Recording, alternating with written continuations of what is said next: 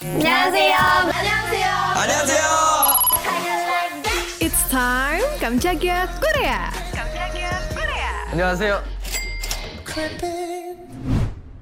Buat yang lagi nonton Reborn Rich pasti udah tahu ya lawan mainnya Song Joong Ki lagi ramai dibicarain nih. Yang ternyata ex-member SNSD Wang Miyang atau yang dikenal sama Tiffany. Keren banget ya bisa balik ke layar kaca lagi setelah keluar dari SM Entertainment 2017 lalu. Terus baru-baru ini Tiffany SNSD baru aja bergabung bareng agensi Korea. Hal ini udah dikonfirmasi langsung sama Sublime Artist Agency secara formal kalau Tiffany udah melakukan tanda tangan kontrak eksklusif. Wow, balik lagi dan bakal fokus berkiprah di negeri gingseng. Selang lima tahun dari Tiffany mutusin buat bersolo karir di Amerika kayak yang ngadain tur konser dan ngehadirin American Music Awards. Semenjak itu dia ngelakuin perpisahan dengan agensi lamanya. Tiffany bakalan comeback di bawah naungan agensi Korea. Penyanyi sekaligus aktris ini sudah tanda tangan kontrak didasarkan adanya korelasi baik serta kepercayaan mendalam yang dia bangun dalam jangka waktu bertahun-tahun sama manajer lamanya. FYI aja, Sublime Artist Agency ini menaungi Rain God Seven, Jackson serta Young J, Honey XID, mantan anggota Givren Yerin, Pristine Lim Nayang, dan masih banyak lagi. Wah, ada yang bisa tebak gak ya kira-kira karya apa lagi yang dikeluarin sama Tiffany? Tenang Young Ones, tinggal ngitung hari ke 2023. We better stay tune sampai tahun depan ya Sobat Media. Gue Raditya, pamit. Jangan lupa dengarkan update terbaru lainnya.